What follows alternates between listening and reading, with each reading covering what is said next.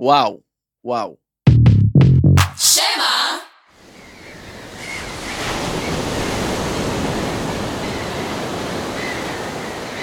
שלום מאזיני הפודקאסט התושב, שאני פה איתי. היי. אה, אם אתם שומעים את הגלים, אז אנחנו על רפסודה.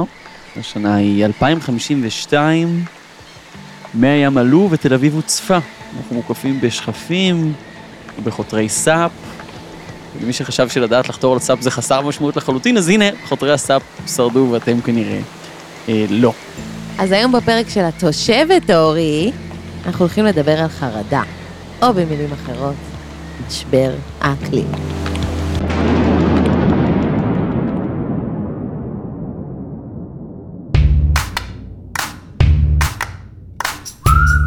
התושב, הפודקאסט של מה זה תשע ועיריית תל אביב-יפו. שלום וברוכים הבאים לתושבת, הפודקאסט של עיריית תל אביב-יפו, בו אנחנו הולכים לדבר על עבודת העירייה ואיך היא יכולה לעבוד בשבילנו. את זוכרת שהיו קוראים לעניין הזה שאנחנו מדברים עליו ההתחממות הגלובלית ולא משבר האקלים? אז פאנפקט לפתוח את הפרק הזה באווירה של פאנפקטס. שמת לב שאף אחד כבר לא אומר התחממות גלובלית? נכון. שמת לב שאנשים כבר לא הולכים עם פלדיום? נכון. אז זה אותו דבר, זה כבר לא אופנתי. העניין הוא שבתחילת שנות האלפיים, הרפובליקאים בארצות הברית הרגישו שהם רוצים שאנשים יהיו קצת פחות אמוציונליים לגבי שינוי האקלים, אז יועץ תקשורת בשם פרנק לונץ עשה קבוצות מיקוד, וגילה שהמונח שינוי אקלים הרבה פחות מפחיד, והרבה יותר קל להדחיק אותו. אז הוא הפיץ מסר וקרא לשאר חברי המפלגה הרפובליקאית להשתמש במונח שינוי אקלים. וככה אנחנו משתמשים בו גם את ואני היום.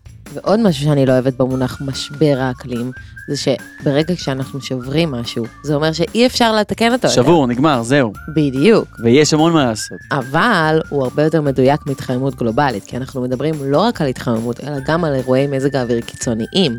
השיטפונות בגרמניה 2021, השרפות באוסטרליה, בברזיל, כל האירועים האלה הם תוצאה של המעשים שלנו, שאנחנו צורכים, אנחנו נוסעים, אנחנו מדליקים את האור.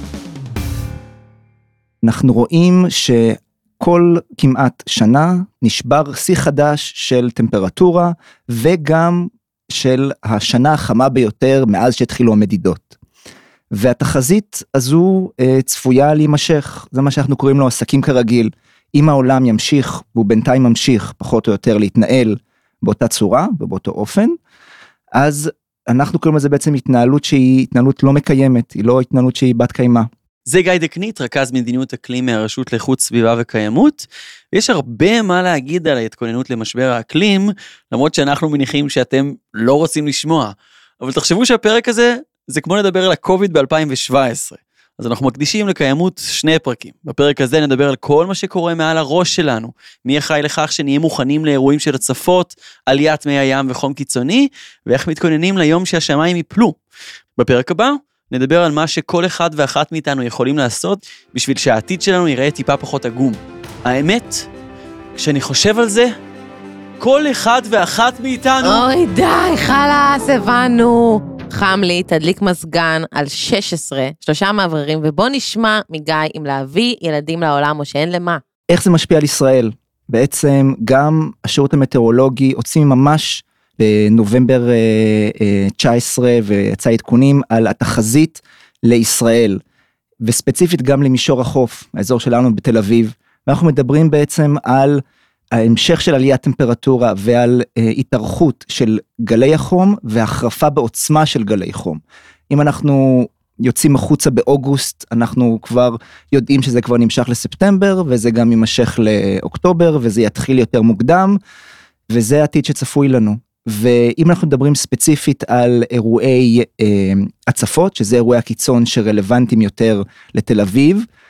אז בעצם מדובר על אירועי הצפות של למשל 60 מילימטר גשם בשעה כמו שקרה בינואר 2020 אירועים כאלה שפעם קרו אחת ל-50 שנה יקרו עכשיו אחת ל-10 שנים. וזה העתיד שאנחנו צריכים להיערך אליו. עכשיו שמדברים על שינוי האקלים בשיח העולמי וגם המקומי צריך להבין שני דברים. צריך להתייחס גם לאדפטציה לאיך אנחנו נערכים לתחזיות הללו שהן כבר היום מתדפקות על דלתנו ומצד שני איך אנחנו בעצם מפחיתים את הנזק, איך אנחנו מצמצמים את פליטות גזי החממה. עיריית תל אביב חברה בכמה ארגונים בינלאומיים שבעצם מסייעים לנו בפיתוח והכנה של תוכניות להיערכות למשבר האקלים. בראש ובראשונה ארגון ה-C40 זה ארגון שחברות בו מעל 96 ערים מכל העולם, ערים המובילות בעולם. וכחלק מהחברות בארגון התחייבנו לפתח תוכנית היערכות וליישם אותה. תוכנית כזו העירייה אה, פרסמה באוגוסט 2020 אה, והתוכנית כבר נמצאת בשלבי יישום. כחלק מהתוכנית בעצם גם מיפינו את האיומים כמו שתיארתי לפני רגע על אה, עליית חום ועל הצפות וגם מיפינו פגיעות. עכשיו פגיעות יכולה להיות פגיעות של תשתיות עירוניות איפה האזורים ש... הם מועדים להצפות יותר, ופגיעות יכולה להיות גם פגיעות של אוכלוסייה, איפה האוכלוסיות הפגיעות ביותר בעיר. מונח מאוד חשוב הוא מונח של עוני אנרגטי, כלומר השיקול הכלכלי בהדלקה אה, של מזגן או של מאוורר או של תנור. והנושא של גם התשתית האקולוגית, למשל, כחלק מהעבודה גילינו שעיריית תל אביב פתחה את הברז, ההשקיה, בגינות ובלעצי רחוב, אם ב-2004 זה היה שישה חודשים בשנה, ראינו בגרף הדרגתי איך כל שנה זה עולה ועולה עד שזה מתייצב על כעשרה חודשים בשנה בממוצע ב-2020. ומתוך זה בעצם אה, נכתבה תוכנית פעולה ששותפות לה עשרות יחידות עירוניות, תוכנית פעולה לעשור הקרוב עם שתי משימות מפתח, כיצד לקרר את העיר וכיצד לנהל את המים בהקשר של אתגר ההצפות. זוכרים את הרפסודה שפתחנו עליה את הפרק? אז כדי להימנע ממצב שישראל מתמקצעת בשייט הבובים באיילון, העירייה נערכת בכמה מישורים. כחלק מתוכנית ניהול מי נגר, ננטעו ב-2021 5,500 עצים, בהשוואה ל-2,000 עצים ב-2020. נפרסו סנסורים שיסייעו בניטור מי הגשמים בזמן אמת, עודכן גג כחול בבית ספר אילנות להשעיית מי הגשמים. שם למדתי. וואלה, בגלל זה יצא תחנון? דוגרי כן, שם היה הסיסמה, שוני הוא כל היופי. אחלה שם לפודקאסט. אני ממשיכה. חברת גני יהושע בנתה מתקן להשעיית מי גשמים, ומנכ"ל העירייה אישר תוכנית נוספת לתיעול מי נגר. ואלו באמת פתרונות יותר תכנוניים, שמי שידע להסביר עליהם בהרחבה, הוא דוקטור בועז קידר, מנהל תכנון בר קיימא ואנרגיה ממנהל הנדסה. יש לנו בעצם שלושה וקטורים מאוד חזקים ומאוד uh, עוצמתיים ש, שקורים בו זמנית. אחד זה משבר האקלים שהתחלנו לדבר עליו, כלומר האקלים סביבנו משתנה כל הזמן. Uh, סתם סיפור אישי, אני יליד uh, סוף דצמבר, וכילד הייתי תמיד uh, מרגיש מקופח ומסכן, כי היום הולדת שלי היה בשיא הגשם, ולא יכולתי לה, להזמין חברים, ולא יכולתי לעשות אותו בחוץ וזה. ובשנים האחרונות, וואלה, קיץ בדצמבר, לפחות בשנתיים שלוש האחרונות. אנחנו יודעים שהאקלים משתנה גם אם מחר בבוקר נפסיק באיזה מטה קסם נפסיק לפלוט אה, גזי חממה לאטמוספירה אז האקלים משתנה זה נתון. הוקטור השני הוא בעצם שהמערכת האקולוגית סביבנו כל הזמן הולכת ונשחקת ומערכת האקולוגית זה נשמע אולי גדול אבל uh, אני תמיד שואל אנשים אתה אוהב שיש לך מי שתייה זמינים ואוויר נקי ואקלים יציב כדי לגדל uh, חקלאות ופירות וירקות. אז כולנו רוצים, אבל המערכת שמסביבנו גם ברמה העולמית וגם ברמה מקומית הולכת ו- ונשחקת ככל שהפעילות האנושית ממשיכה. והוקטור השלישי שהוא הכי רלוונטי לנו בעיר, זה שהעיר ממשיכה לצמוח. אנחנו כתל אביבים מרגישים את זה בעיקר בתנועה במרחב, אה, אם זה רחובות שסגורים, עבודות על אה, תשתיות תחבורה עתידיות שברור לכולנו שאנחנו זקוקים להם כדי ש... נפסיק להיות עיר שמסתמכת על רכב פרטי ונעבור למערכות הסעה המוניות. במחלקה שלי בתוך יחידת אדריכל העיר אנחנו רואים בערך 350 אה, תוכניות חדשות בשנה. כל תוכנית גדולה משמעותית בעיר עוברת דרך השולחן שלנו אנחנו נותנים להם הנחיות תכנון לבנייה ירוקה ויעילות אנרגטית של המבנים החדשים. יש יותר ויותר אנשים והעיר צומחת, המגוון האקולוגי מצטמצם והאקלים משתנה. אני רוצה להחזיר אתכם לינואר 2020. אז במהלך חצי שעה ירדו 60 מילימטרים של מי גשמים, שרק בשביל לסבר את האוזן, במהלך עונה שלמה בתל אביב יורדים כ-560 מילימטר של גשם. אז בחצי שעה ירד כעשירית במה שיורד במהלך כל העונה. זה היה יום שחור, בו דין שושני וסתיו הררי טבעו למוות בחניון הדירה שלהם ברחוב נדב בשכונת התקווה.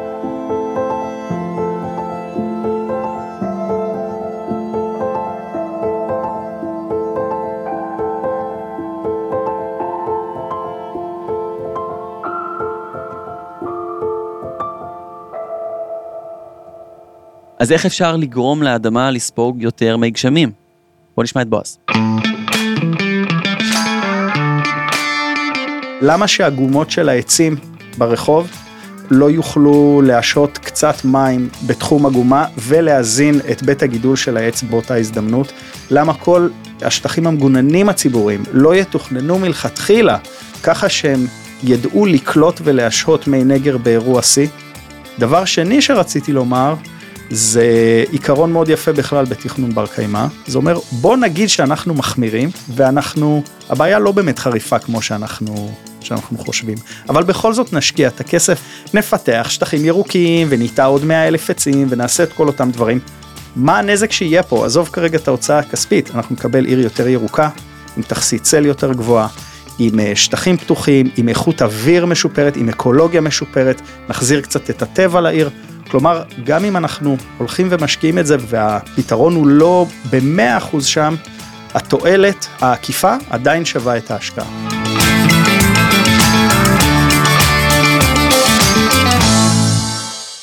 עד כה דיברנו על אספקט אחד של שינוי האקלים, טיול מי נגר. אבל מה שבאמת מפחיד, זה עליית מי הים. כי אפילו היום, לא יודע אם אתם מכירים את זה, כשאתם הולכים על הים ויש גאות מאוד גבוהה, אין חוף. אתם פשוט הולכים על המים כמו ישו. אבל מה יקרה אם המים פתאום יעלו בכמה סנטימטרים? הבעיה העיקרית כרגע היא בעיה של עליית מפלס מהים בסערות נקודתיות ושחיקת המצוק הכורכר בצפון ובדרום העיר. וגם לכך יחידת המצוקים לצורך העניין. יחידת המצוקים זה יפה. זה, זה לא מובן שלא מובן מאליו שיש יחידת מצוקים. למה? יש אגף חופים וצריכה להיות גם יחידת מצוקים. מצוקים ושוברי גלים. כן. יש אגף ואז יחידה, כן? אוקיי, זה- אנחנו לומדים פה. כן. כן. הם לא ביחד. הם לא ביחד, אגף חופים זה כן, בחטיבת כן, התפעול. בטח. אז יחידת המצוקים ושוברי גלים גם עושה בימים אלה בחורף 2021 עבודות החזקה וחיזוק במצוק הכורכר בצפון העיר וגם אה, בקרוב אמור להיבנות שובר גלים תת קרקעי תת ימי צפונית לחוף תל ברוך באורך של כמעט 900 מטר שאמור בעצם לצמצם את הפגיעות ואת אה, אותו שחיקת אה, חוף הים. כאילו מה הקטע שכל חורף מגיעים גלי ענק והופכים את כל החנויות של הנמל לבריכות. כאילו מסתובבת שם ויש לך בריכת קומילפור, בריכת ארומה, בריכת שילב, שזו בריכת תינוקות. אם תדרימי, תמשיכי לבריכת מנטה ריי. יכול להיות שתם עידן הקאנטרי קלאב ואנחנו יכולים פשוט ללכת לבריכות המגניבות האלה? מתי היה עידן הקאנטרי קלאב? נראה לי אנחנו לא בגיל. אבל עכשיו באמת, מה קורה אם מי הים עולים בחצי מטר? האם עכשיו שאני רץ על הטיילת אני אצטרך לעשות את זה עם מגפיים? להגיד שיש לנו איזשהו כוח מול המגמה העוצמתית הזאת של עליית מפלס פני הים, אני לא חושב שמישהו בעולם, כולל ערים גדולות כמו ניו יורק, ערים בהולנד שניסו ניסו ממש לקדם פרויקטים הנדסיים שמתיימרים למזער אפילו בקצת את ההשפעות. אני לא חושב שלמישהו יש אה, יכולת לעצור את זה, אנחנו יכולים רק לנסות להיערך. אני לא חושב שיש למישהו יכולת לעצור את זה, בועז אומר. דיכאון או ציפור עצוב בגוף ראשון, לא יכול כבר שני לילות לישון, מה אתה עושה שם בחלון? א' גפן. א' גפן! הוצאת אותי לרגע מהדיכאון, הנה אני חוזר אליו. את יודעת שכל החלטה שאני לוקח חמש או עשר שנים קדימה, אני מכניס גם את השיקול האקלימי. נו באמת, באמת, נו באמת. זה כבר הרבה שנים ככה, אני מאוד? פסימי בהקשר הזה. מה נגיד? אה, מעבר דירה, אה, האם להביא ילדים או לא להביא ילדים. כאילו אני לא רוצה שהם הם ייוולדו לעולם שבו הם צריכים זימים כדי אה, לשחות. ראית את אפשר עולם המים? להוליד מרמיידים כאלה, חמודים קטנים. הלוואי אם הייתי יכול. אם הטכנולוגיה הייתה מאפשרת לי. כל או המתכנתים שם של העיר. סוסיאם זה מגניב, הם- הם בי, אתה יודע שהם בי? כן. מוצ... יש להם מלא סוסונים נכון ככה זה עובד הלידה שלהם. אפשר רגע עם הדיכאון שלי? כן. תמיד כשגברים מתחילים לדבר על רגשות כולם בורחים. זה נכון. בקיצור אני מאוד פסימי. אתה יודע, אורי, אתה לא לבד. יש תופעה כזאת שנקראת דיכאון אקלימי.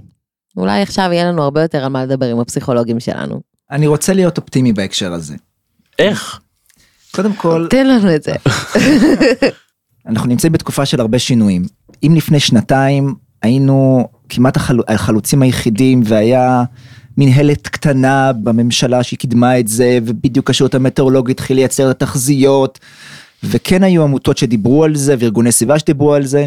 אני חושב שרמת השיח והמודעות בשנה וחצי, בשנתיים האחרונות, עלתה.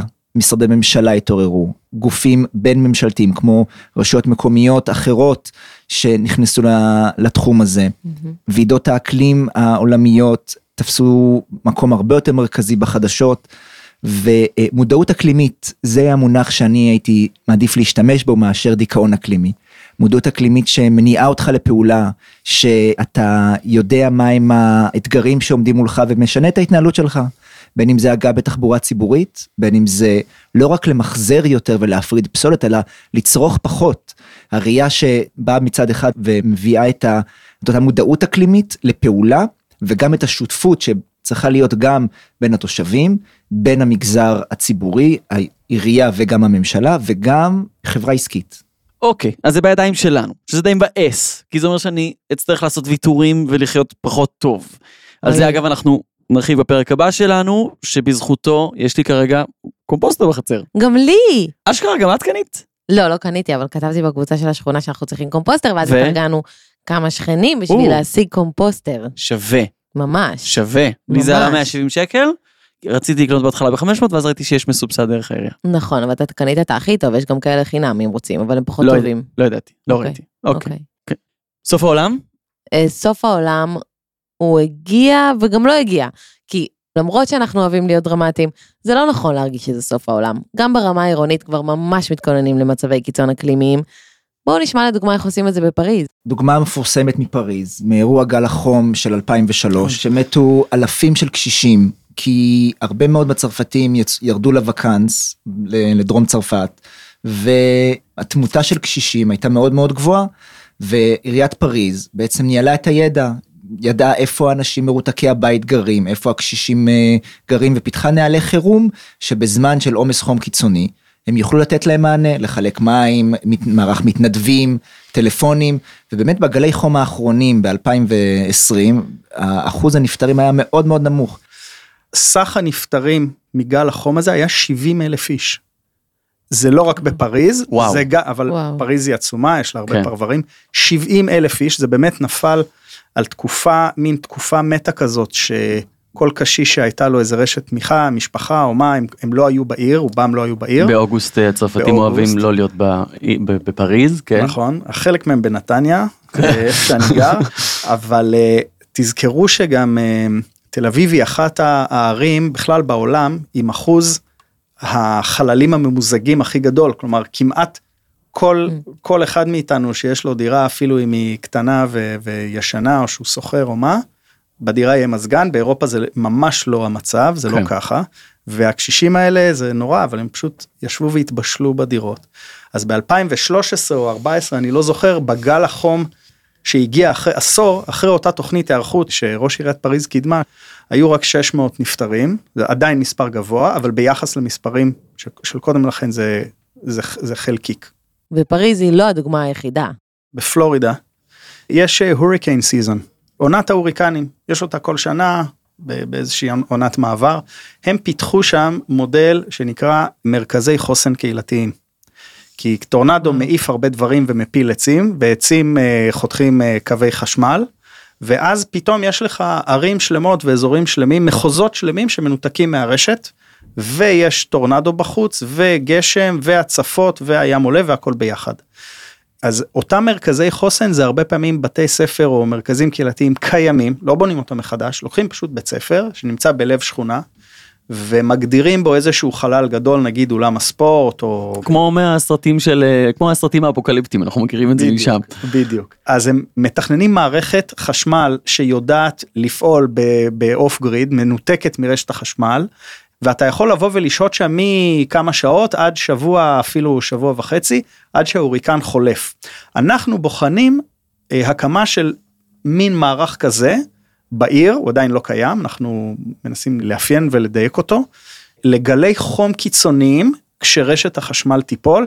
אני כבר אומר את זה, הנה אני מוקלט, הדבר הזה יקרה בשנים הקרובות. כלומר וואו. זה תרחיש שהוא לא תרחיש דמיוני, רשות החשמל בעצמה יצא, אני יכול להראות לכם כתבה מכלכליסט מלפני כמה כן. חודשים, ראש רשות החשמל אומר, חבר'ה ב-2027 אני לא יודע איך אני מספק חשמל למטרופולין אה, תל אביב. לא רק לעיר, לכל המטרופולין. אין חשמל. לא צריך חשמל, מה, למה צריך חשמל? כל הסיפור הזה רומנטי. נדליק נרות? כן, מי צריך חשמל? מי צריך משהו בכלל? אם אתם יושבים בבית ומתבאסים על הפודקאסט הזה, אז הנה בשבילכם משהו. זוכרים כשהיינו ילדים, היו מדברים איתנו על החור באוזון, אותה שכבה שמגנה עלינו מקרינת אור השמש והידלדלה בגלל שימוש של בני אדם בכל מיני כימיקלים? בשנת 1987 נחתם פרוטוקול מונטריאול, שמגדיר את השימוש בחומרים אסורים שפוגעים באוזון. כמעט כל העולם המערבי חתם על האמנה, גם ישראל, והשימוש בחומרים שפוגעים באוזון כמעט ונעצר. ומאז האוזון משתקם ומתעבה יותר מאשר הוא נעלם, וההערכות הן שבין שנת 2050 לשנת 2080, שכבת האוזון תשתקם לחלוטין. נכון? אז הנה, עוד מקרה ש... 2080 כבר לא יהיה עולם. לא יהיה עולם, נכון? אבל נחמד, נחמד. טוב לשכבה, אחלה אנקדוטה. כיף לשכבה. האמת היא שאני שבשביל להיערך לשינוי האקלים, צריך לעשות יותר מלהפסיק להשתמש בדאודורנט.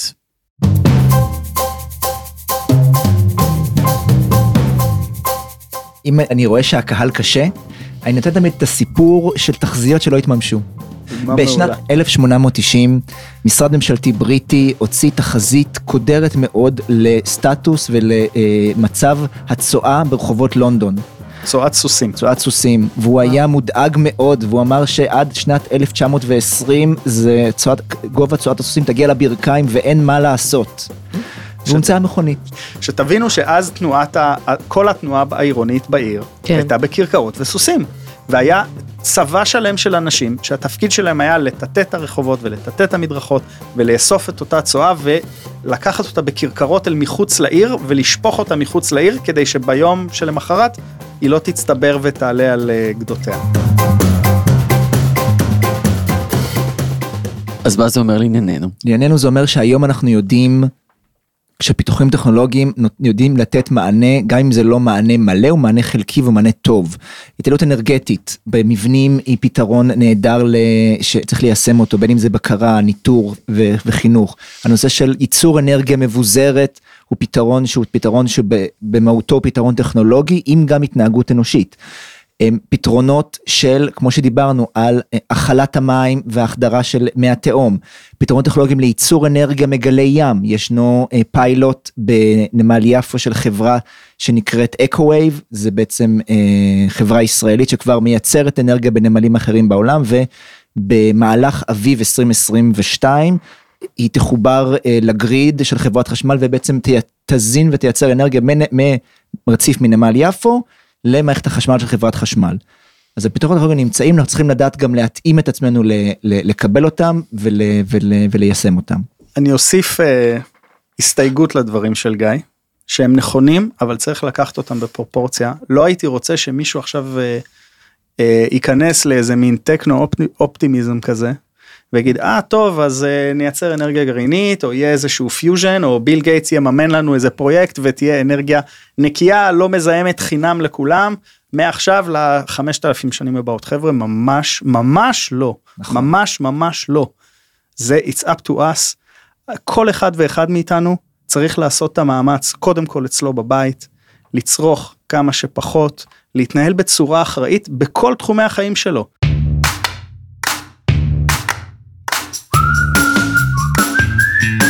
עד כאן התושבת. אם אהבתם אתם מוזמנים להפיץ לחברותיכם וחבריכם, וגם אה, אנחנו מזמינים אתכם לדרג אותנו בחמישה כוכבים באפליקציות הפודקאסטים השונות, או חמישה כוכבות, זה גם אופציה. תודה לדור קומץ, ערך אותנו תת מימי. שזה כאילו ההפך מעל חלל, בדיוק. זה לא מוריד. לא יודעת. עשה עבודה נהדרת, תודה דור.